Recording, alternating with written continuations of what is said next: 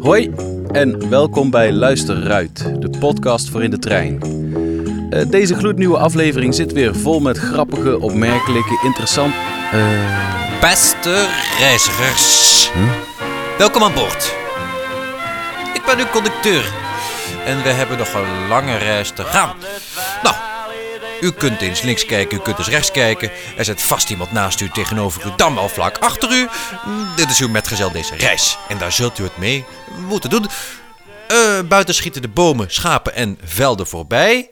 En hier binnen beginnen de klanken van een lied. Dit lied heb ik geschreven voor, voor ons, over ons gemoedelijk samen zijn. Komt-ie. Welkom, mijn vrienden, fijn dat u er bent. De deuren zijn gesloten, opdat u veilig bent. Welkom familie, zo voelt het al voor mij. We zijn pas net begonnen en heus dat stemt mij. La. Ho, wacht even, wacht even, wacht even. Want, want de aflevering is, is pas net begonnen en we zitten nu al naar een zingende conducteur te luisteren. Even terug naar de realiteit. Nogmaals, welkom bij Luisteruit, de podcast voor in de trein die iedere eerste maandag van de maand verschijnt. Uh, ja, als je mij nog niet kent, ik ben Thijs en ik zal je langs de verschillende verhalen en items loodsen. En proberen deze aflevering in het gareel te houden. Dat zal nog niet eenvoudig zijn. Het thema van deze keer is namelijk ontsporen. Tja, wil je het daarover hebben? Hè? Kan dat, zo zittend in de trein?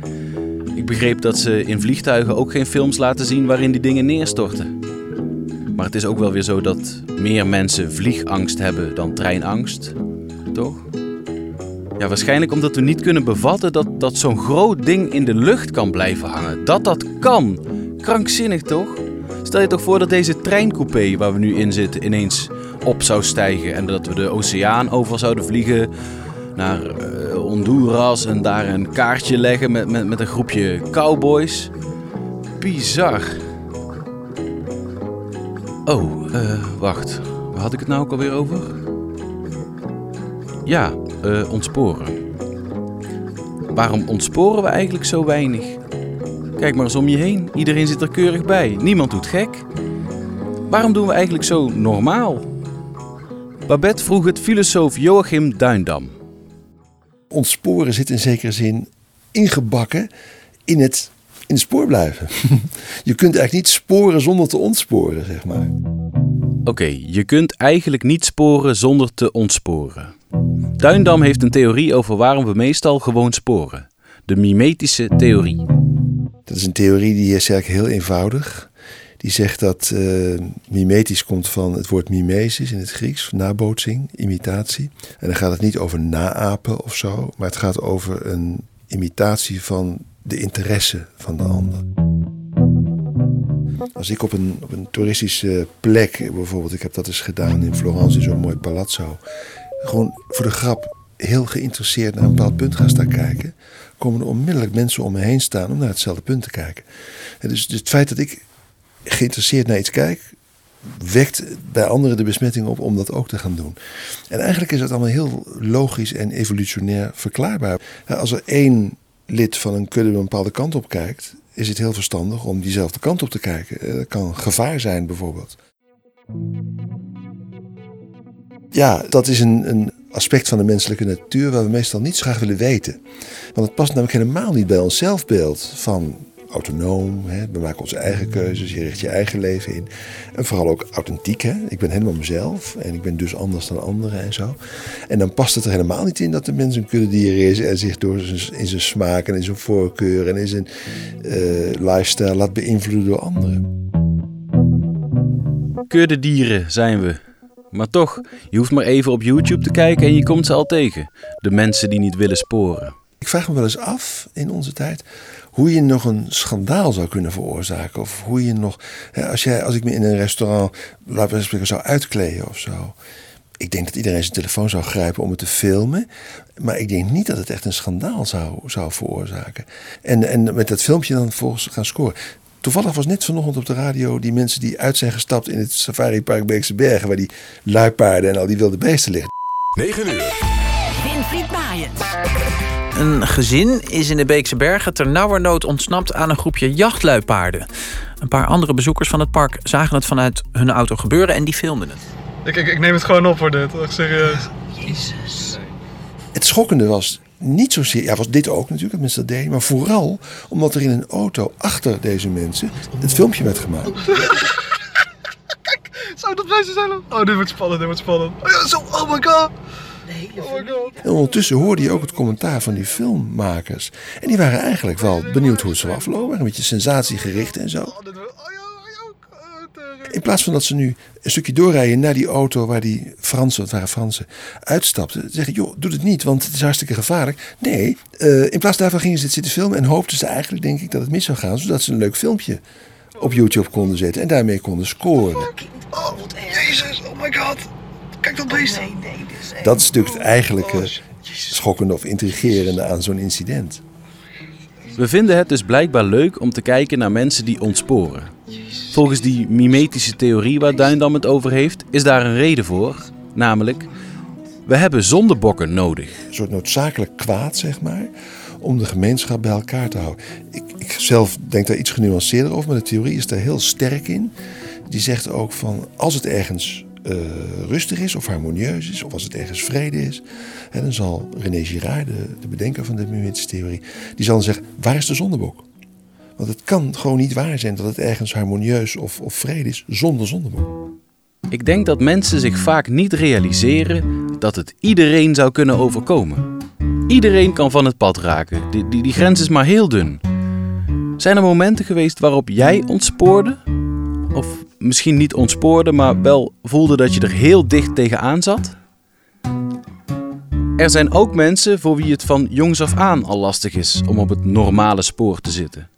Lotte sprak met Jesse. Hij is 25 en woont inmiddels zelfstandig in een sociaal complex, waar onder andere ook studenten wonen. Ik sloot mezelf op in mijn eigen kamer. Ehm, op een gegeven moment ging het zelfs zo ver dat ik 112 belde. Vooral toen ik dacht dat, eh, dat er mensen een complot tegen mij aan het smeden waren om mij om te brengen, dus te vermoorden. Ik dacht echt van, ja, dat moment dat dat gaat gebeuren, dat zit eraan te komen. Begon met autisme en dat was al begin deze eeuw. Ik ben nu 25, maar toen was ik eh, een jaar of acht. Eh, later kwamen ook angstklachten bij. En in 2011 ehm, belandde ik voor het eerst in psychose. Achterdocht, eh, achtervolgingswanen. Maar het echt beseffen, echt dat, het, dat ik ervan doordrongen was van... hé, hey, er gaat iets niet goed, dat ik me daar zelf bewust van was. Nee, dat, dat eh, had ik niet zo. De meeste mensen met wie ik spreek, met wie ik echt contact heb, die merken het eigenlijk niet zo aan mij. Die eh, zoeken dat niet zo snel achter. Heel veel mensen die denken van, oh, studeer je HBO of universiteit. Maar ja, dan moet ik toegeven van, nee, eh, ik heb op dit moment niks. Merk wel eh, dat het contact valt tussen studenten en mensen uit de psychiatrie. Ja, dat, dat resoneert niet helemaal. Dat, ja, ja, ja, ik was laatst ook aan het eten hier. Zat ik ook met heel veel studenten aan de tafel. Maar dan merk ik toch alweer dat op de een of andere manier dat contact ietsjes moeizamer gaat. Ik red me wel heel goed uit en zeg gewoon wel wat ik wil of wat ik vind. Maar ik moet wel even iets meer gas geven dan als hier bijvoorbeeld vrienden over de vloer komen die vergelijkbare dingen hebben meegemaakt. Ja. Sommige dingen zijn gewoon niet maakbaar in het leven. Daar heb je geen eigen hand in. Er zijn genoeg mensen van, ja. En misschien zijn ze niet altijd even goed te zien, maar oh, eh, dat is een heel aardig percentage al met al van mensen die keer op keer maar pech hebben en die tegen een muur aanlopen. ik, ik was laatst bij Koningsdag en ik zag toch mensen met een bureaustoel over de busbaan eh, eh, gaan en die een stuk maken, ook die bureaustoel. Mensen die knalbezopen eh, waren. Ik had echt zoiets van, ja, nu voel ik me gewoon echt beter dan hun. Terwijl, ja, ik heb al eerder gezegd, ik heb gewoon een waaijong. Ik heb, allerlei, ik heb allerlei opnames gehad. Maar ik kan me wel heel correct en beschaafd gedragen. Ja, hoe specificeer je normaal? Ja, Ja, wat voor de een normaal is, is voor de ander volledig ontspoord. En andersom. Als er met de trein dingen anders gaan dan de bedoeling, dan moet er gehandeld worden natuurlijk. Maar je weet nooit precies eh, wanneer dat nodig is. Dat, dat is heel onvoorspelbaar. We gingen een kijkje nemen in het OCCR, waar vandaan NS probeert het spoorboekje niet te laten ontsporen. Emmy sprak er Arjan Spoormans. Wat natuurlijk de perfecte naam is voor iemand die regisseur reisinformatie is. We zijn in het gebouw van het ProRail, het OCCR, het Operationeel Controlecentrum Rail. En daarin eh, besturen wij de hele treindienst in Nederland. Vanaf een bedrijventerrein buiten de ontruimingsgebied van Utrecht Centraal. Dus op het moment dat het stationsgebied van Utrecht Centraal wordt ontruimd door hele vervelende dingen, dan kunnen wij hier eh, blijven zitten. Tweede verdieping. Het is eigenlijk eh, gewoon zo'n heel normaal kantoorpand. We werken ook hele normale mensen eigenlijk.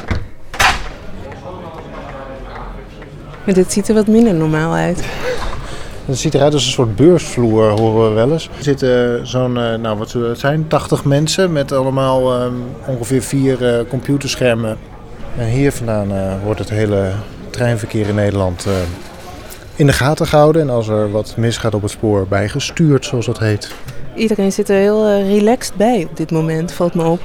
Ja, volgens mij, als ik zo zie, is er ook weinig aan de hand. En op het moment dat, eh, dat er weinig aan de hand is, hoeven de mensen die hier werken ook weinig te doen. Je kunt het vergelijken met een soort brandweerkazerne. Als er geen brand is, dan, zit, eh, nou ja, dan zijn- dan hoeft er geen brand geblust te worden. Dus dan zijn de mensen gewoon in de kazerne. Eh, maar op het moment dat er brand is, dan moet er meteen heel veel actie eh, worden gedaan. En dat is hier eigenlijk ook zo. En wordt er dan een beetje gezweet? Of zijn dit allemaal mensen die super stressbestendig zijn? Je moet hier wel stressbestendig zijn, wil je dit werk doen. Goedemorgen. In de loop van de ochtend raast er weer een storm over ons land. Voor het midden en zuiden van het land heeft het KNMI code oranje afgekondigd. De hele zware storm in januari, daarbij vielen er zoveel bomen over het spoor dat het onveilig was om nog te rijden. En dat zijn echte, echte hele grote dagen die we heel weinig hebben gelukkig. Maar waar vanuit mijn werk, dat zijn stiekem natuurlijk wel de leukste dagen. Want het is te vergelijken met een brandweerman die een hele grote brand mag gaan blussen. Ja, is ook super spannend. Natuurlijk lukt dat. Kunnen we dat dan? Gaat natuurlijk iedereen het, eh, het maximale uit zichzelf halen. Ehm, maar voor, voor jou als reiziger is het natuurlijk echt verreweg het vervelendst. Maar we kunnen op die dagen ook het meeste voor je doen. De Verkeersinformatiedienst telt in de loop van de ochtend maar liefst 30 omgewaaide vrachtauto's. Tientallen wegen zijn dicht door ongelukken. Gedurende zo'n dag zijn er allemaal protocollen ehm, die te maken hebben al met die storm. Dus er zijn extra monteurs die bomen kunnen wegzagen. We hadden al een aangepaste treindienst. Ook fietsers en voetgangers zijn niet veilig. Hier in Utrecht kunnen ze hun fiets maar amper vasthouden. Maar op de dag zelf bleek die storm zoveel erger.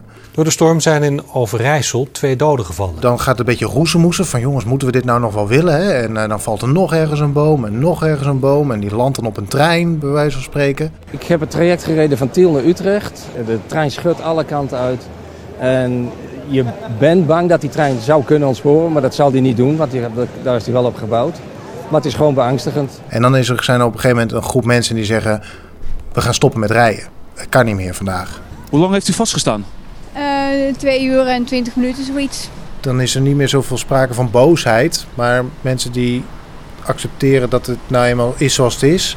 en naar een oplossing gaan zoeken. Wat ook wel een teken was van het feit dat je als reiziger wel begrip had voor de situatie... was dat er op Twitter een hele hashtag ontstond rondom het stormpoelen, heette dat volgens mij. Eh, waarbij mensen elkaar gingen helpen om ehm, eh, naar een bestemming te komen. En dat zijn echt hele toffe acties waarbij je ziet dat er een enorm samenhorigheidsgevoel op zo'n station ook is. Aan het einde van zo'n dag ben je doodop. Maar de grote vreugde kwam denk ik de dag daarna toen alles gewoon weer reed. Zo sta je dan ook op dat je denkt, hè, wauw, dat is echt fantastisch. En krijgen jullie dan taart van de directie? taart van de directie. Nou, in principe, volgens mij hebben we wel de dag daarna een, eh, een, een, een, eh, een gebakje gehad. Maar in principe is dat niet nodig, want dit is waarvoor je bent besteld. Weet je, als mensen de dingen anders doen en, en een beetje uit de pas lopen, dan, dan, dan word ik daar altijd heel vrolijk van. Dit is soms zo'n net land waarin we alles maar willen controleren. Neem maar eens een keer een vreemde afslag. Nicky herkent dat wel. Op zich hou ik er wel van als ik mijn leven op de rails heb. Maar ik hou het nooit lang vol. Op een gegeven moment ontspoor ik. Het is ook niet zo moeilijk om te ontsporen. Het enige wat je hoeft te doen is de juiste vragen stellen. Dan moet je denken aan vragen als: waarom doe je het werk dat je doet? Of waarom ben je bij je vriend of vriendin? En het lijkt zo simpel, hè? Het eerste antwoord dat je wil geven is zoiets als: Ik ben bij mijn vriendin omdat ze zo lief is. Maar dan moet je nog even door blijven vragen. Waarom is je vriendin lief? Omdat jij haar partner bent. Mensen zijn lief tegen hun partner en daarom is ze lief tegen jou. En daarom ben jij bij haar. Dat stelt dus niet zoveel voor. Waar ben je nu trouwens naar onderweg? Heb je er wel echt zin in? Waarom ga je dan? Als je het mij vraagt, doen we veel te veel dingen zonder er goed over na te denken. Als je alle tijd van de wereld had, wat zou je dan gaan doen? Zou je nog naar je werk gaan? Waarom ga je eigenlijk naar je werk? Om geld te verdienen? Om dingen te kopen die je dan straks weer weg kan gooien? Ze zeggen dat werk goed voor je is, dat het zin geeft aan je leven en structuur aan je dag. Maar als jij voortaan iedere ochtend om half elf even op je hoofd gaat staan, dan heb je ook structuur in je dag. En dat heeft denk ik evenveel zin als al dat zogenaamde werken. Nee, dat is flauw. Jij hebt vast een baan die heel zinvol is. Vast. Alleen 80% van de tijd ben je daar niet mee bezig. 80% van de tijd moet je e-mails beantwoorden, vergaderingen bijwonen, rapporten uitschrijven, data kopiëren, eindeloos naar je telefoon staren, zo druk bezig met alles in je opnemen dat je ineens beseft dat je op de wc zit te poepen terwijl je door een serie foto's van je pasgeboren neefje scrolt. Wat is er mis met ons dat we niet meer in stilte durven te zitten? En dan in die leegte kijken en zien, ja, het stelt allemaal geen fuck voor. Op een dag ga je namelijk dood. Wist je dat al? Dat je doodgaat?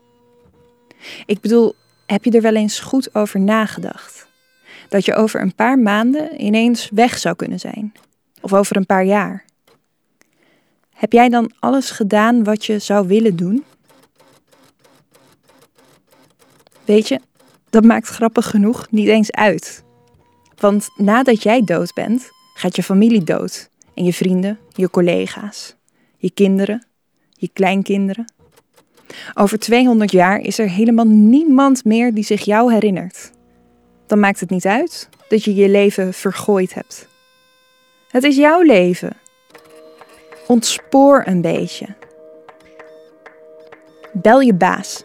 Zeg dat je ziek bent en neem de trein naar Zandvoort of Harlingen en dan de boot naar het eiland.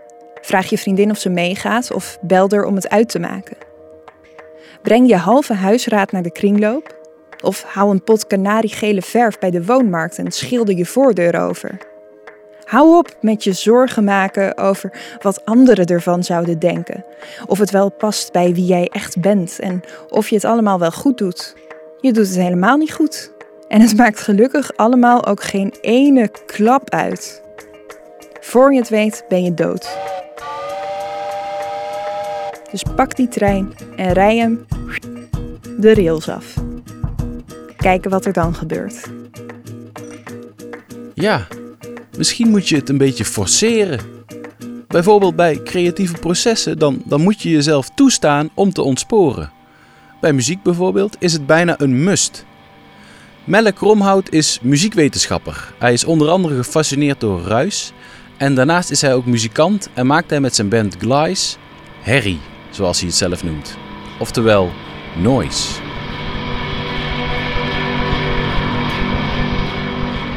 Ontsporen maakt muziek interessant en spannend Omdat het breekt met wat de luisteraar verwacht. Je bent de hele tijd aan het anticiperen op wat er komt. Dus als je een ritme hebt, dan als je twee of drie maten gehoord hebt, dan weet je ongeveer wat dat ritme is. Als je een melodietje gehoord hebt, dan weet bijna iedereen hoe dat melodietje af gaat lopen. Dus als je pa pa pa pam. Precies. Dus je bent de hele tijd aan het nadenken over wat er nu gaat komen. En als er de hele tijd komt wat je verwacht, dan is het niet interessant. Want dan kan je het zelf wel bedenken. Dan wordt het achtergrondmuziek, liftmuziek, die alleen maar bedoeld is om je soort van in slaap te sussen of om je rustig te houden. Dus muziek draait sowieso om het breken van de verwachting. En de ontsporing is denk ik het moment dat je helemaal niet meer weet wat je kan verwachten. Dat eigenlijk alles kan gebeuren. Dus, het, dus er echt iets op het spel staat. Dus je het gevoel hebt van de muzikant uh, kan, kan helemaal de mis ingaan, maar het kan ook fantastisch worden. In essentie kan je niet ontsporen als er geen spoor is. Dus er moet op zijn minst een conventie zijn waar je mee breekt. Maar het hangt heel erg van het genre af en van, van wat het publiek verwacht. Hoe ver je daarin kan gaan. Als Frans Bauer wil ontsporen, dan kan je al veel eerder een grapje ertussendoor gooien. Of iets wat onverwacht is, omdat de conventie sterker is. Omdat er een veel sterkere basis staat. En het wordt op een gekke manier, als je, als je al begint bij een soort van hele experimentele muziek en het publiek dat ook verwacht, wordt het eigenlijk moeilijker om te ontsporen. Het opzoeken van de grenzen is niet iets van deze tijd. Dat is iets wat altijd gebeurd is in de muziekgeschiedenis of in de kunstgeschiedenis in zijn algemeenheid. De grootste namen zijn, zijn ook de mensen die heel goed de conventie en de traditie tot in de puntjes beheersen. En daarom daar overheen kunnen gaan. Mozart of Haydn of Beethoven of deden allemaal dingen die nog nooit eerder gedaan waren.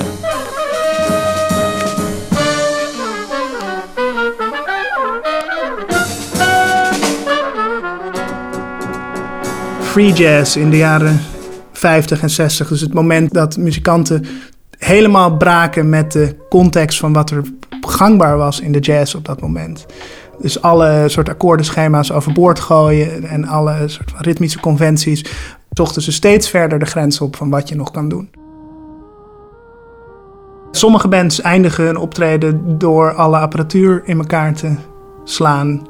Door de gitaren in de, in de versterkers te rammen. Jimi Hendrix zette zijn gitaar in de fik. Het is een soort wisselwerking tussen een band en een zaal. Elkaar zo opgejut hebt dat je, dat je nou ja, dat er, geen, dat er niet, geen, geen overtreffende trap meer is dan gewoon het, het, het overboord gooien. Het heeft ook met elektriciteit te maken of zo, met een soort span, met letterlijk met spanning. Versterkers worden heter en, uh, en, de, en de, de sfeer wordt broeieriger. En op goed moment kan je bijna niet meer dan, dan het kapot slaan. Dat is een soort van het ultieme uiterste van, van, het, van het opgerekt hebben. Ja, heerlijk. Kapot, die instrumenten. Ik ben zelf intussen echt groot voorstander geworden van ontsporen. Fantastisch. Goed, of je nou door deze uitzending zin hebt gekregen om, om te ontsporen of juist denkt, nou mij niet gezien, ik blijf lekker op mijn spoor. Volgens mij kunnen we in ieder geval concluderen dat we het er prima over kunnen hebben. Ook terwijl we in de trein zitten. Dit was de tiende luisteruit, de laatste van dit seizoen. De volgende verschijnt op maandag 3 september. Mocht jij nou een idee hebben voor een goed verhaal of een tip, stuur dat dan naar thijs.luisteruit.nl. Deze aflevering is gemaakt door Babette Rijkhoff, Pascal van Hulst, Nicky Dekker, Tom Loijs, Manon van Hoekel, Lotte van Galen, Emmy Kollau, Tessa Douwstra en Twan van Bracht. Techniek Alfred Koster. Luisteruit wordt mogelijk gemaakt door NS. Je kunt je abonneren op Luisteruit via Stitcher of de podcast app. En laat vooral een review achter. Goeie reis en tot de volgende